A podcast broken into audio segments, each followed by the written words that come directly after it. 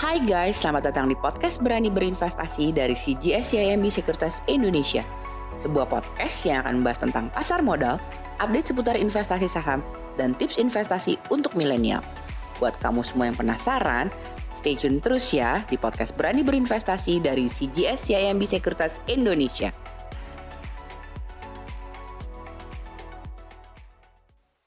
Hai guys, apa kabar semuanya? Senang banget nih, kali ini kita akan ketemu lagi ya di podcast Berani Berinvestasi bersama CGS CMB Sekuritas Indonesia. Nah, seperti biasa nih, di podcast kali ini kalian akan ditemani oleh saya, Aditya Bertana, dan juga rekan saya bersama retail research analis, yakni Fanny Suherman. Kita sapa yuk, Fanny Suherman. Hai Van, apa kabar? Baik, baik. Semoga kamu sehat-sehat ya, Van. Iya, sama-sama ya. Ya, dan teman-teman semua yang mendengarkan podcast kita juga mudah-mudahan selalu dalam lindungan Tuhan dan juga sehat selalu ya, karena kita masih ada pandemi. Dan teman-teman semua pastinya juga udah menunggu nih. Kita akan ngebahas tentang apa sih? Nah, jadi ini menarik banget ya, Pan. Kita akan memiliki beberapa insight ya yang akan kita bagikan ke teman-teman juga ya. Uh, banyak banget nih hal-hal yang pastinya uh, menarik dan teman-teman harus ikutin terus nih podcast kita dari awal sampai dengan akhir. Oke, Van. Nah, untuk pertamanya, Van, saya ingin menanyakan nih, Van. Nah, jadi kalau misalnya dilihat nih, Van, uh, jadi memang indeks ini nampaknya ada reshuffle ya yang akan dilakukan dari mulai Oktober 2021 hingga April 2022 nih, Van. Nah, hmm. jadi mungkin di sini teman-teman ini belum familiar nih Van. Nah, kira-kira seperti apa sih Van bedanya Van? Mungkin gini Dit, jadi kalau investor yang uh, tahu sekarang gitu ya, pasti ini memang kita menggunakan market cap gitu ya ibaratnya ya untuk okay, iya. menentukan yeah. apakah si sahamnya ini uh, masuk big cap atau enggak kan biasanya kita sebutnya yeah, gitu betul, ya. Betul. Nah, di mana market cap ini memang dihitung dengan cara uh, menggunakan harga dikalikan dengan jumlah saham hmm. gitu. Nah, memang ini yang saat ini mau diubah metodologinya dari market cap ke free float adjusted market cap okay. gitu. Nah, karena kita tahu sebenarnya nih migrasi ini sudah dilakukan nih di untuk LQ45 dan juga untuk IDX 30 nih di sekitar tahun 2018 sampai dengan 2019 yang lalu gitu ya. Hmm. Nah, untuk saat ini ini akan diterapkan lagi untuk 20 stock index termasuk di IHSG. Nah, sebenarnya kalau boleh tahu apa sih Pan yang mendasari uh, perubahan ini Pan? Nah, kalau menurut IDX sendiri sebenarnya tujuannya yang pertama itu adalah meningkatkan standar IDX supaya ini setara dengan standar industri gitu karena kalau kita lihat uh, most of major stock exchange itu sudah mengimplementasikan hal ini gitu kemudian kedua okay. adalah concern ada saham yang memiliki weighting itu besar ke indeks hmm. nah tapi karena mereka uh, ini punya market cap yang besar aja gitu tapi kalau dilihat okay. secara free floatnya kecil dan juga kurang liquid gitu nah ini okay. yang mempersulit investor kalau misalkan mereka ingin uh, mengikuti indeks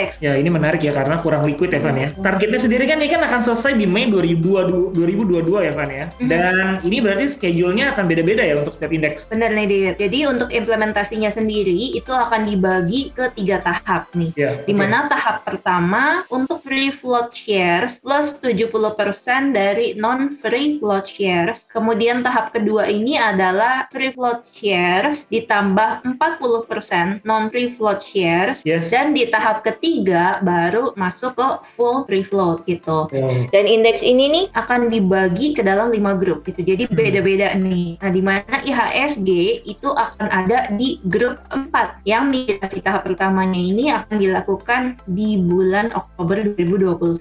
Uh, by the way, uh, waktu migrasi di LQ 45 dan juga IDX 30 nih, Van. Di mana ini kan sebenarnya banyak banget nih digunain sebagai benchmark ya oleh lokal hmm. institutional investor, nah, terutama dana pensiun nih Van. Nah, mm-hmm. efeknya gimana nih kalau berdasarkan historical Van? Nah, kalau berdasarkan historical ini memang efeknya yang sangat terasa adalah di HMSP dan juga di Unilever ya. Okay, Karena okay. kedua saham ini adalah uh, the biggest loser nih dari index hmm. adjustment di tahun uh, 2018-2019 yang lalu gitu dan kelihatannya kali ini pun juga akan uh, suffer lagi nih kalau misalkan ada adjustment di IHSG. Hmm, jadi memang untuk beberapa teman-teman yang memang invest di Unilever mungkin salah satu sebabnya ini juga ya Van ya. Selain dari fundamental juga mm -hmm. yang mendukung ya. Untuk gambaran teman-teman nih Van ada nggak kira-kira simulasi saham mana aja Van ya yang akan kena efek lebih besar nih dengan asumsi full impact dari free float adjustment ini Van? Dari CGSCIMB sendiri ini melakukan simulasi stock weight impact ya ke saham top 20 saat ini gitu. Nah di mana hasilnya saham yang memiliki free float lebih besar dari average free float percentage yaitu yeah. sekitar sekitar 30%. Nah, ini akan ada kenaikan weighting gitu. Hmm. Nah, untuk biggest losernya sendiri itu adalah HMSP, Unilever dan juga TPIA okay. gitu. Nah, asumsikan local institution ini akan melakukan adjustment ke portfolio mereka. Ini estimasinya akan ada outflow di saham-saham itu sekitar uh, eh, 6.970 sampai dengan 7.590 miliar rupiah. Gitu. Nah, outflow-nya ini bisa lebih besar dibandingkan dengan tahun 2019 yang lalu karena IHSG lebih banyak dijadikan benchmark nih oleh domestic fund managers. Bisa disebutin nggak Van? Kira-kira untuk saham dari top 20 tadi nih Van, yang kira-kira weightingnya potensi naik sahamnya mana aja nih Van? Nah memang kalau dilihat kenaikan weighting yang mencapai sekitar 1,7 sampai dengan 3,3 persen, itu adalah uh, saham BBCA, hmm. BBRI, Telkom, dan juga BRIS gitu. Sedangkan yang kenaikan weightingnya itu sekitar 0,2 persen sampai 1,3 persen itu adalah Asra atau ASII, yeah. kemudian ada SMGR, KLBF, United Tractor atau UNTR, kemudian ada SMMA, BBNI, Cepin, EMTK, Arto, dan BMRI. Yes. Nah, sedangkan untuk saham yang weightingnya turun ya, selain tadi yang kita sebut ada HMSP, Unilever, dan Tevia, ada juga yang weightingnya kemungkinan bisa turun adalah ICBP,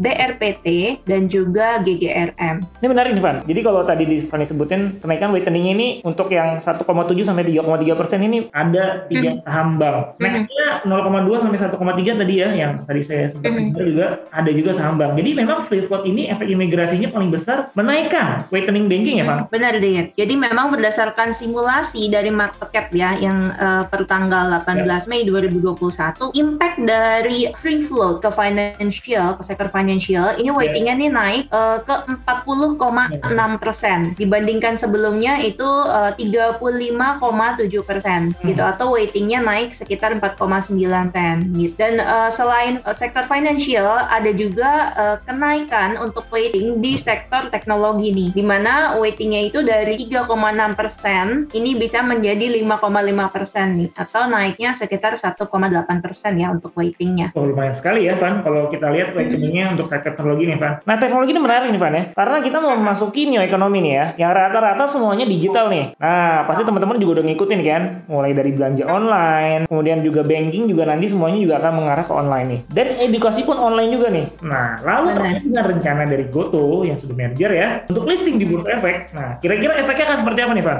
Nah kalau valuasi Goto ketika IPO itu sekitar uh, 40 billion US dollar dengan asumsi 50% free float. Nah, maka ini weightingnya itu dia akan menjadi yang terbesar kedua setelah BBCA gitu. Dan selain itu bukan cuma Goto aja nih yang mau uh, eh, IPO kan ya. Rencananya ada Bukalapak juga mau IPO gitu. Nah, kalau misalkan setelah mereka berdua nih selesai IPO, maka sektor teknologi ini nih weightingnya akan naik ke sekitar 17% dibandingkan uh, dari saat ini itu sekitar level 4% ya. Di mana uh, 4% ini adalah sebelum belum apply uh, free float market cap adjustment. Wow, luar biasa sekali ya Van, 13% persen mm -hmm. sektor teknologi dan Betul. ini menarik sekali ya buat teman-teman semua juga yang mendengarkan podcast kali ini. Jadi kalian udah berarti udah tahu dong berarti harusnya ke mana gitu ke depannya Van ya untuk berinvestasi mm -hmm. ya. Jadi memang wow luar biasa sekali lah. Oke Van, thank you banget nih untuk sharingnya uh, di podcast kali ini Van. Semoga uh, Fanny sehat selalu dan teman-teman yang mendengarkan mudah-mudahan bermanfaat ya buat kita semua agar kalian bisa mendapatkan insight yang lebih menarik tentunya dengan mendengarkan podcast CGS yang di Sekuritas Indonesia. Oke itu dulu